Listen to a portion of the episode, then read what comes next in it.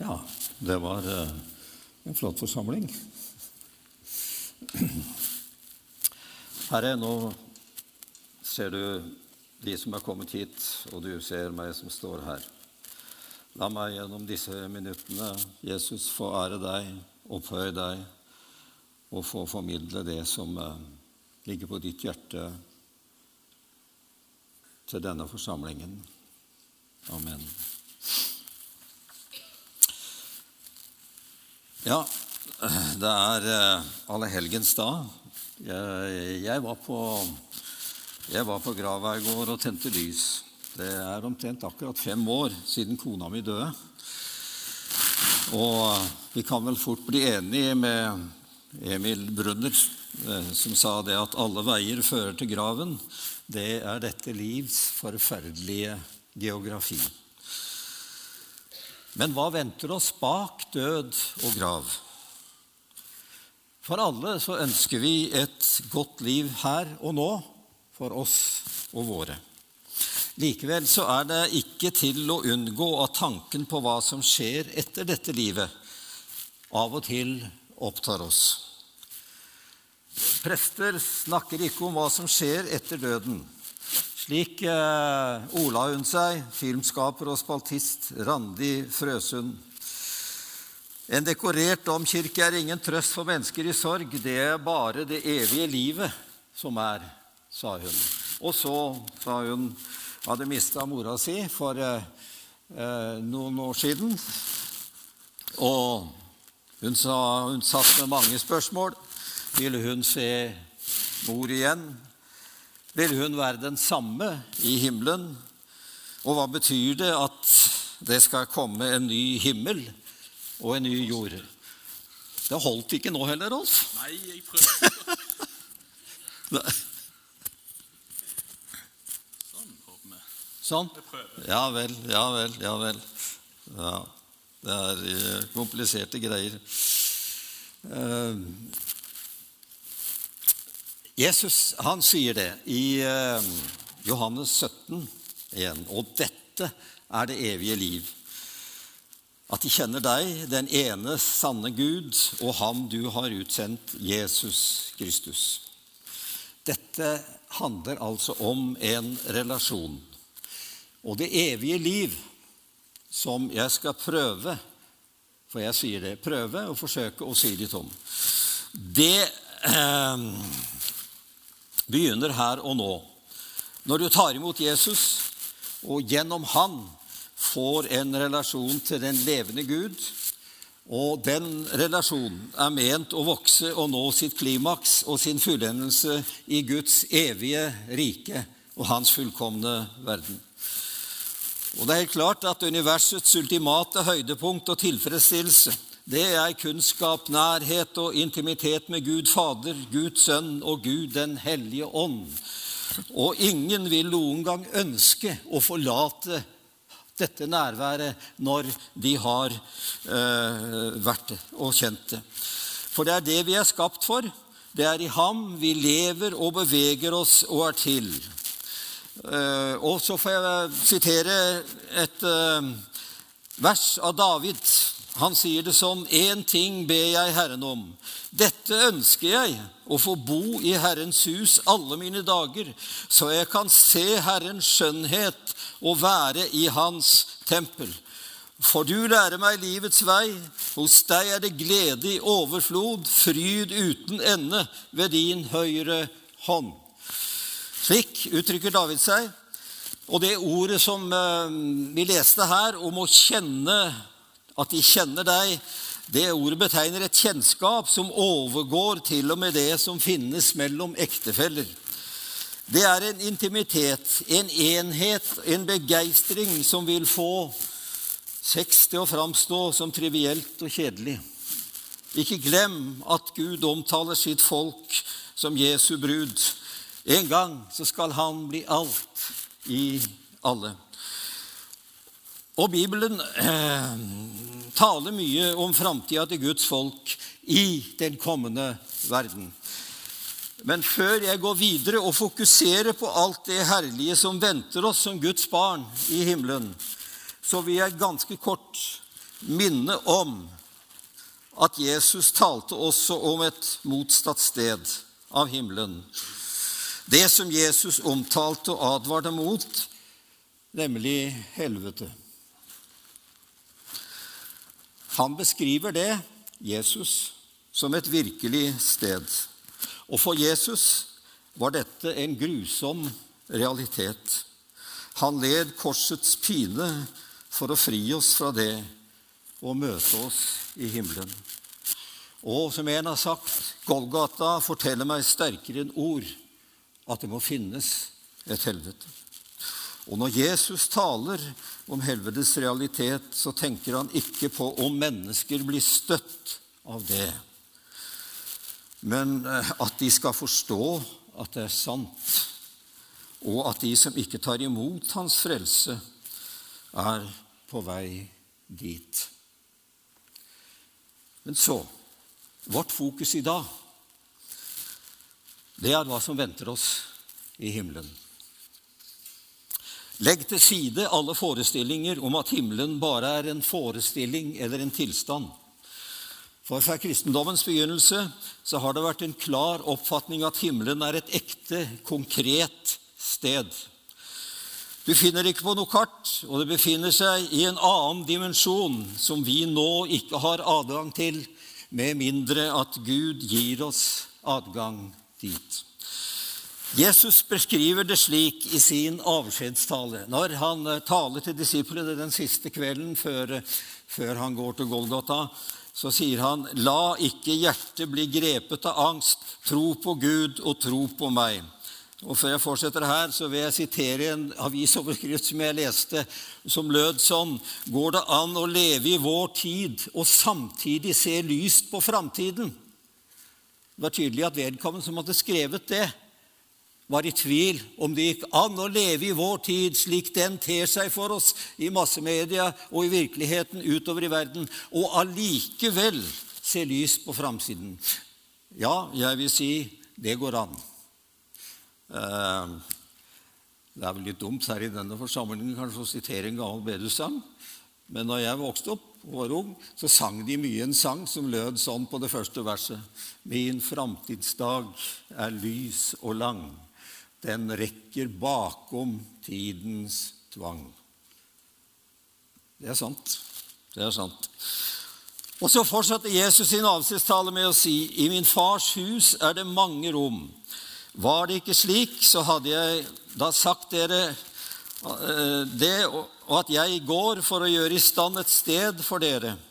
Og når jeg har gått og gjort i stand et sted for dere, vil jeg komme tilbake og ta dere til meg, så dere skal være der jeg er. Og dit jeg går, vet dere veien. Når du skal reise til et nytt sted, så er det naturlig og viktig at du gjennom både reisebøker og andre kilder søker å gjøre deg kjent med stedet du skal til. Det har de fleste her erfaring fra. For det skaper forventning. Og når det gjelder vår destinasjon, så er altså reiseboken fremfor noen Bibelen. Mye av forestillingen vi har om det som venter oss på den andre siden, har vært så diffus og tåkete at mye av den gleden og spenningen og forventningen som burde prege oss, er borte. Noen tenker seg eh, en svevende tilværelse, en kroppsløs, svevende og ikke-fysisk tilværelse, som riktignok er ispedd kjærlighet og glede og fravær av lidelse, men det tenner ikke noen begeistring og sterk forventning hos oss. Det blir en slags tilstand, som en sa, for bedrestilte spøkelser. Og det er ikke det, det er ikke det himmelen handler om, altså. Det er ikke sånn Bibelen beskriver den.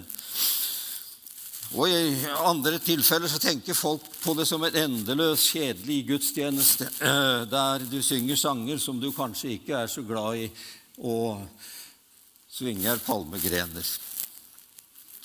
Og i vår iver og vårt ønske om at relasjonene mellom oss skal fortsette på den andre siden av graven, så har mange av oss glemt at svarene vi søker, de har altså befunnet seg i over 2000 år i Bibelens budskap om eh, himmelen. Og det budskapet er langt mer spennende og fascinerende og oppløftende og gledesfylt enn hva New Aids-guruer kan komme med i dag. For de er det ganske mange av, og de skal vi passe oss for, sier Bibelen. Kanskje vi må be om å få se på dette svært gamle, men allikevel alltid nye stedet med nye øyne. For himmelen er ikke stillestående, men den er dynamisk. Den er full av spenning og handling. Den er skapt for fullkommen tilfredsstillelse, ufattelig livsutfoldelse, der begrepet 'kjedelig' ikke eksisterer. For du har kanskje tenkt på det. Det kan vel bli litt kjedelig i lengda? Ja, ja. Men jeg kan fortelle deg det. Såpass kan jeg helt sikkert fortelle deg at etter at du har tilbrakt 1000 år Nå eksisterer ikke tid på dette stedet. Men om vi skulle bruke det begrepet Etter at du har tilbrakt 1000 år i himmelen, så vil himmelen være like interessant og fascinerende som de første fem minutter du er der. Det er jo slik at vi så langt vi har råd anledning, med glede vil bekoste førsteklasses opphold og service på familien når vi reiser på ferie. Vi ønsker ikke å spare på noen ting. Og tror du Gud vil spare på noe når hans familie skal samles? Det står jo i Bibelen at det intet øye så og intet øre hørte, og det som ikke kom opp i noe menneskehjerte, det som Gud har gjort ferdig for dem som elsker ham. Hva om det stemmer at dette liv bare er en blek forsmak på den ultimate festen som venter oss? For dette folk, dette livet vi opplever nå, er egentlig ikke det virkelige livet. Det kan ses på som en forsmak, men Bibelen taler om at det egentlige, virkelige livet, det begynner på den andre siden. Eh, det intet øye så. Hva om det stemmer at den kommende verden vil være langt bedre enn dine villeste fantasier? Og hva om det livet du lever nå, har betydning for det livet som kommer? Bibelen ber oss om å se vårt liv her på jorda i lyset av at vi er pilegrimer. Og I Hebreerne 13, 14 står det vi har ikke her en blivende stad, men vi søker den kommende. Og når jeg gikk hjemme nå i, ja, til morgenen i dag og tenkte på dette her, så kom plutselig en strofe for meg. Det er jo også en, en gammel sang, da. Men la meg få lov til det. Nå har jeg bare noen måneder igjen til jeg har nådd gjennomsnittsalderen av norske menn. Jeg. Men altså, jeg kan vel stå her og, og uh, si det, da. De sang den mye i min ungdom. Jeg har valgt å gjøre selskap med Guds enkle vandringsmenn. Det får koste hva det vil, men jeg vil hjem til himmelen. Det er lengselens hjem som driver meg, jeg kan ei stanse her, for en fremmed jeg i denne verden er. Ja, din identitet og tilhørighet som en Jesu disippel er dypest sett i denne kommende verden. Himmelen er ditt hjemland. Vårt hjemland er i himmelen, står det i Bibelen. Og så vil spørsmåla melde seg. Vil jeg bli meg, og du bli deg, når vi kommer til himmelen? Legg til siden alle forestillinger om at himmelen bare er en forestilling eller en tilstand som jeg allerede har nevnt. Fra kristendommens begynnelse har det vært en klar oppfatning at himmelen er ekte, et konkret sted. Og ja, nå skjønner jeg at jeg har begynt på det som jeg allerede hadde sagt. Ja. Blir, vil, vil, du bli deg, og jeg bli meg? Eller blir jeg bare en, eller annen blek, luftig utgave av den jeg egentlig er? Jeg kan fortelle deg det at den personen som kommer til himmelen, er du med din identitet og din personlighet. Og det er ikke en svevende ånd. Det har alt, til alle tider vært mennesker og retninger som har hatt et mindreverdig syn på kroppen og dens verdi som noe vi skal bli kvitt og slippe fri i den kommende verden. Men det er en helt ubibelsk tanke. Ja, det står i trosbekjennelsen, som vi ikke har uh, hatt her i dag, men som vi av og til har. Altså, jeg tror på legemets oppstandelse og det evige liv. Vi tror at Gud skapte ånd, sjel og kropp sammen som en enhet, og at denne enheten konstituerer oss som mennesker. Vi kommer til å bli hele mennesker når vi kommer til himmelen. Fullkomment hele mennesker med kropp, sjel og ånd. Justin Martyr, han som levde bare 100 år etter Kristus, han sier det sånn at hvis Gud har kalt mennesket liv i oppstandelse, så har han ikke bare kalt en del, men hele, og det er både sjelen og legemet. Og så siterer jeg dette verset som jeg begynte på i stad. Vårt hjemland er i himmelen. Og derfra venter vi eh, Herren Jesus Kristus. Han skal forvandle skrø, vår skrøpelige kropp og gjøre den lik den kroppen han selv har i herlighet. For han har makt til å underlegge seg alle ting. Det står i Filippensebrevet. Eh, vår nåværende kropp den er sterkt prega av forgjengelighet og forfall. Det er sikkert en god del her som har kommet et stykke i livet, som har opplevd det. At eh, kroppen den fungerer ikke som vi ville. Den eh, er underlagt forgjengelighet, og Bibelen kaller det faktisk eh, forgjengelighetens slaveri under forgjengelighetens trelldom. Men det vil skje dyptgående, spennende og positive forandringer med oss når vi ikles oppstandelseskroppen. Vil, det, men det vil også ha store likheter med den kroppen vi har nå. Du vil bli deg, og jeg vil bli meg. Det er det godt å tenke på. Ja. Se for deg det øyeblikket i livet som du kanskje frykter mest. Din jordiske kropp kroppen du har hatt her, den skal dø. Da blir du satt fri fra de begrensninger som eh, den har gitt. Og de smertene den nåværende kroppen lider under. Og du blir fri på en måte som du kanskje aldri kunne forestille deg. Vi kommer til å leve i en forherliget kropp i en forherliget verden. Bibelen sier at det reises opp en åndelig kropp. I 1. Korinterbrev 15. Det vil skje en himmelsk oppgradering, for å bruke det uttrykket. En tilpasning til den nye himmelske virkeligheten som du skal leve i når den tid kommer. Og jeg vet For meg så er ikke all verdens tid igjen til det. Men altså, jeg kan slippe å grue meg til det. Jeg kan se fram imot det med glede. Forventning. Det er spennende. Han sa det en gammel han, eh, En gammel eh, predikant som noen av dere kjenner navnet på, Ludvig Kope, han sa en gang det blir spanende å dø. Ja, ja det blir i grunnen det. For en kristen så blir det det. Eh, og La meg få lov til å prøve å illustrere det litt. Eh, når vi bodde i Vestfold, så eh, bodde vi nær eh, jordbruksområder.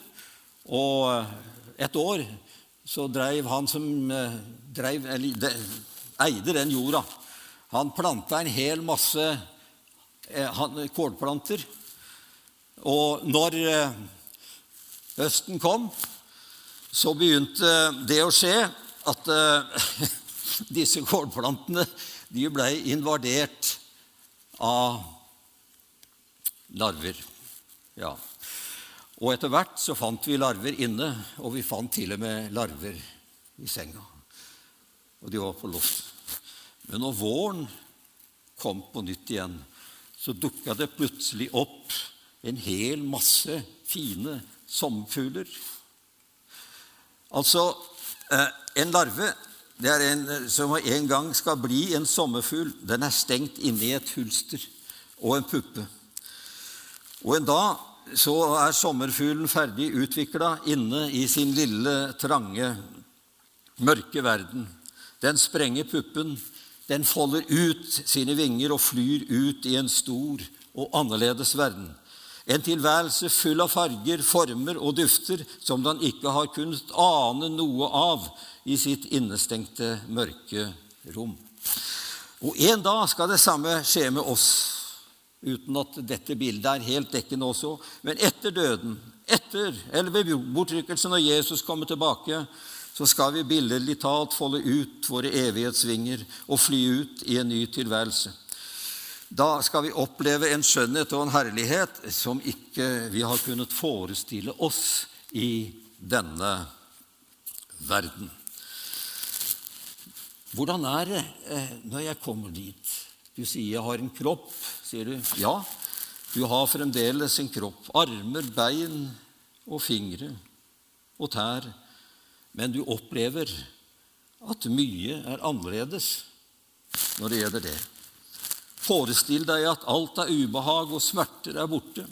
Alle skavanker og skrøpeligheter du hadde før, de begrensninger din jordiske kropp hadde, finnes ikke og er ikke til stede i den nye, eh, oppgraderte og forvandlede kroppen du har fremdeles alle sansene dine, men du opplever kanskje at de er både mangedoblet og for den saks skyld turboladet, for å bruke det uttrykket.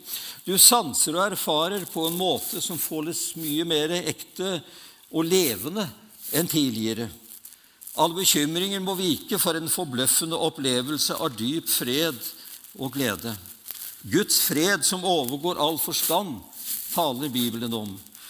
Det er, som eh, Luther sa det, vi legger av hverdagsdrakten og ikler oss søndagsdrakten.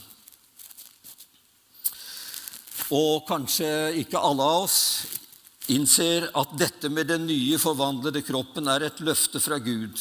Og nå vil jeg lese da noen vers fra 2. Korinterbrev 5, som sier og forteller om nettopp det jeg nå har prøvd å sette ord på.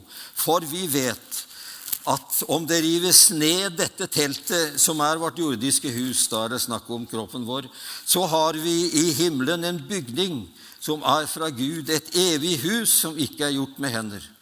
Mens vi er her, sukker og lengter vi etter å bli ikledd og omsluttet vår himmelske bolig.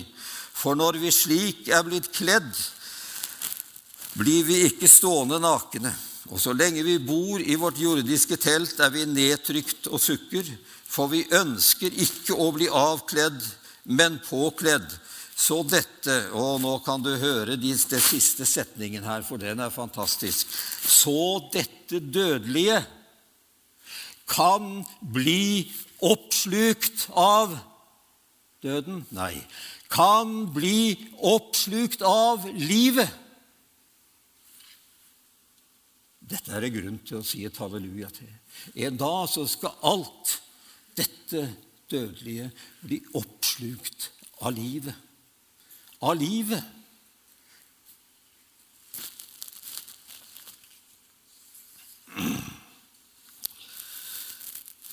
Uh, Billy Graham, som døde for uh, ca. 4 15 år siden, han uh, sa en gang en dag vil du lese eller høre at Billy Graham er død.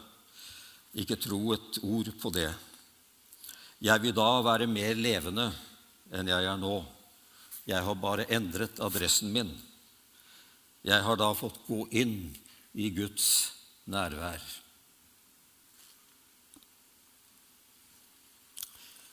Vil jeg slutte å være Terje Bjørntvedt når jeg slår øynene opp i det himmelske landet? Nei. Og du vil ikke slutte å være deg. Jeg kommer til å ha min kropp, men den, vil da være opprinnelig slik Gud i sin skaperglede ville den skulle være. Jeg vil ha min personlighet. Jeg vil ha min bevissthet. Det som er poenget, er at vi ikke mister vår identitet når vi kommer dit.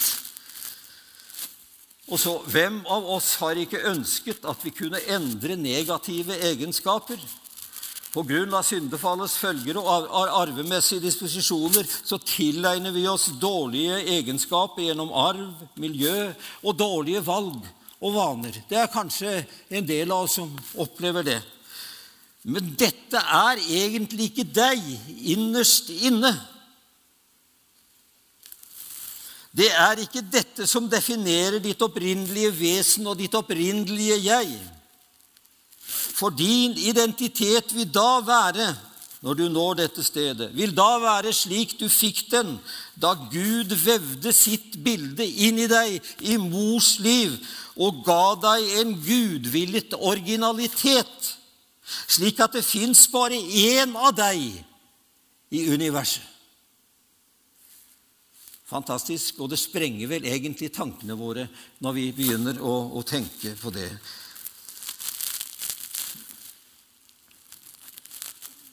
Før jeg skapte deg i mors liv, så kjente jeg deg, står det i Bibelen. Før jeg skapte deg i mors liv, så kjente jeg deg.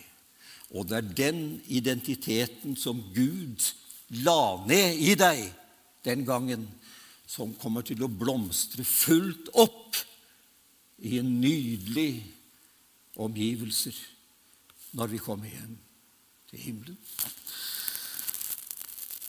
Hele sanseapparatet vårt vil da fungere maksimalt. Vi vil kunne spise, drikke og snakke i himmelen. Det gjorde Jesus etter sin oppstandelse. Og Jesus er nettopp prototypen og forbildet på hvorledes vår kropp vil være og oppleves i den himmelske verden. Ehm, det er det som egentlig Jeg vet ikke om du har opplevd det som jeg nå har sagt, som litt sånn eh, Ja, stemmer dette her egentlig? Ja, Det får du tro hva du vil om. Men, men iallfall, iallfall når det gjelder ehm, Det står det at han skal forvandle vårt fornedrelseskropp så den blir lik den kroppen han har i herlighet. Altså Jesu kropp etter oppstandelsen er selve prototypen på det som vi kommer til å oppleve også med vår kropp. For eh, mennesker i himmelen, de vi kunne klemme hverandre, de vil utstråle fullkommen godhet og ekte kjærlighet. De vil ut, ut, utfolde en kreativitet som sprenger våre grenser, uten å både kjenne på begrensninger eller trøtt, trøtthet. Eh, og da kommer også det andre spørsmålet inn. Vil vi kjenne hverandre? Vil vi kjenne hverandre når vi kommer til himmelen? Og det er noe av det mest utfordrende for mange mennesker når det gjelder himmelen. Da er kanskje tanken på at de kanskje skal være atskilt og ikke kjenne igjen de som, aller, som de elsker aller mest. Men jeg kan fortelle deg det at i himmelen kommer vi til å oppleve tidenes beste og sterkeste gjenforening. Nå kommer jeg til å lese en lite utdrag av en mann som heter Don Piper, som eh, opplevde Ja, jeg kan lese her, altså. Han var på vei hjem fra en pressekonferanse da, han, da en 18-hjuls trailer mista kontrollen på en regnvåt bro og traff Don i front og kjørte rett over bilen hans. Da ambulansepersonalet kom til ulykkesstedet flere minutter senere, ble Don erklært død. I 90 minutter lå den døde kroppen hans fastklemt i bilen mens ambulansepersonalet ventet på brannvesen og redskaper til å klippe han ut av bilvraket. Samtidig som jeg fikk et siste glimt av broen i regnet, forteller han, ble jeg omsluttet av et lys så strålende at det overgår all jordisk forståelse eller beskrivelse. I neste våkne øyeblikk var jeg i himmelen. Gleden pulserte gjennom meg da jeg så meg rundt, og i det øyeblikket ble jeg oppmerksom på en stor gruppe mennesker. De sto foran en strålende utsmykket port. Jeg aner ikke hvor langt borte det var, noe slikt som avstand var uvesentlig. Da gruppen løt mot meg, så jeg ikke Jesus, men jeg så mennesker jeg hadde kjent. Da de stormet mot meg, visste jeg umiddelbart at de alle hadde dødd i min levetid. Og deres tilværelse eh, tilstedeværelse var helt naturlig. De løp mot meg og alle sammen og smilte og ropte og priste Gud. Selv om ingen av dem sa det, visste jeg intuitivt at de var min himmelske velkomstkomité. Det var som om alle hadde samlet seg like utenfor himmelens port og bare ventet på meg. Og den første personen jeg gjenkjente, det var bestefaren min. Han så ut som jeg kunne huske ham. Han stanset et øyeblikk, stanset et øyeblikk og ble stående foran meg. Et stort smil dekket ansiktet hans. Så kanskje jeg sa navnet hans, men jeg er ikke helt sikker. Øynene hans lyste opp, og han rakte ut armene sine og tok meg i de siste skrittene mot meg og omfavnet meg og holdt meg inntil seg. Dette her det er altså en persons opplevelse etter at han var, har vært død pga. denne ulykken i 90 minutter. Og dette her kan ikke jeg versimere mer enn jeg kan lese det. Og for meg så kan det godt se ut som at nettopp noe slikt kommer til å skje. Uh, ja. Du vet det at eh, Jesus sier det at eh, gjør dere venner ved den urettferdige mammon, så de kan ta imot dere i den evige verden. Det ser nesten ut som at Bibelen taler om en velkomstkomité som kan ta imot oss når den tid kommer. Ja. Og hvem de består av, det, det vet vi ikke. Men eh, det er en bibelsk begrunnelse for en gjenforening og en gjenkjennelse, det er fortellingen om det som skjedde i de 40 dagene mellom Jesu oppstandelse og himmelfart. Eh, det står i Johannes evangeliet 20, 21. For etter sin oppstandelse viste Jesus seg for kvinnene og disiplene. Og det som går igjen i disse fortellingene, er at de han viste seg for, de kjente han igjen. Den kroppen han viste seg i, var den samme kroppen som ble lagt i graven, og samtidig var den annerledes. Det var en herliggjort kropp. Den var ikke lenger begrenset av tid og rom. Han kom gjennom stengte dører. Og han tilbyr Thomas å føle og kjenne på sårene han har i hendene sine. Det viser seg at den herliggjorte kroppen var den samme kroppen som han hadde hatt da han ble korsfestet og gravlagt. Og dette folk, det er noe håndgripelig og håndfast og konkret. Han taler med disiplene. Han bruker samme ord som før. Han bruker samme kommunikasjon som da han levde blant dem før sin død og sin oppstandelse. De har og ha, eh, altså, se på mine hender og føtter, og se, det er meg. Ta på meg og se, sier Jesus. En ånd har ikke kjøtt og ben som dere ser jeg har. Og nettopp det er et meget sterkt eh, bevis eller incitament på at vi kommer til å kjenne hverandre. Den Jesus disiplene hadde vært sammen med før, snakket med, tatt på, følt på, spist sammen med, og vært så glad i. Han står foran dem, og de opplever et fantastisk gjensyn. Og de blir fulgt av en ubeskrivelig glede. Det er han. Det er han. Han er stått opp. Ja, de kjærlighetens bånd som var knytta mellom Jesus og disiplene mens han levde her på jorda, de blei nå knytta på nytt igjen. Og det forteller at den kjærlighet og godhet det var mellom Jesus og dem, den varer utover døden og inn i evigheten. Det er det Paulus mener han sier. Kjærligheten, den ekte sanne, den faller aldri bort. For kjærligheten vil være atmosfæren og pulslaget i den kommende verden. Den vil være luften vi puster i. Den er himmelens atmosfære. Den er klimaet vi lever i. Så sant det var Jesu person som oppsto med legem, sjel, så sant skal vi også med vår person, vår identitet, vårt legem, sjel og ånd stå opp av graven igjen. Det som skjedde med Jesus, skal skje med oss, for han skal forvandle vår skrøpelige kropp og gjøre den lik med han selv i herlighet. Og nå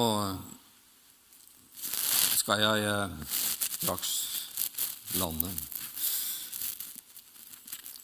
Når det evige liv utfolder seg i fullkommenhet, da skal vi få erfare at alt det gode og ekte vi opplevde her, i samfunn med Gud og med hverandre, det skal finne sin fortsettelse i fullkommenheten uten synd. Og de familiebånd som i ekte kjærlighet blir knytta her, de skal knyttes igjen i den vidunderlige nye verden. Så vil du kanskje minne meg om at Jesus han sa at i himmelen verken tas det ekte eller gis det ekte. Det er sant, det.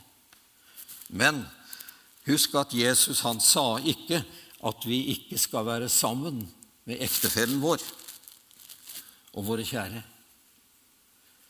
Men han sa at eh, det som har med videreføring og gifte å gjøre, det trenger vi ikke.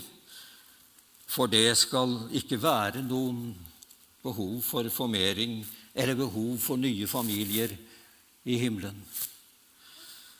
Men familierelasjonene våre kommer ikke til å være mindre nære i evigheten. De kommer til å være tettere og dypere og uten egoisme. Ta her i Guds evige rike skal vi møte hverandre igjen, vi som i troen på Jesus, som Guds barn, var sammen her på jord. Her skal vi igjen favne de vi hadde kjær, og leve i en ubeskrivelig livsutfoldelse, en endeløs gledeopplevelse og lovprisning. Lovprise Gud med en løs tunge og en personlighet som har nådd sitt fulle potensial. Og det skal skje på et sted og i omgivelser som i sin skjønnhet sprenger alle våre beskrivelser. Og nå leser jeg disse versene til slutt.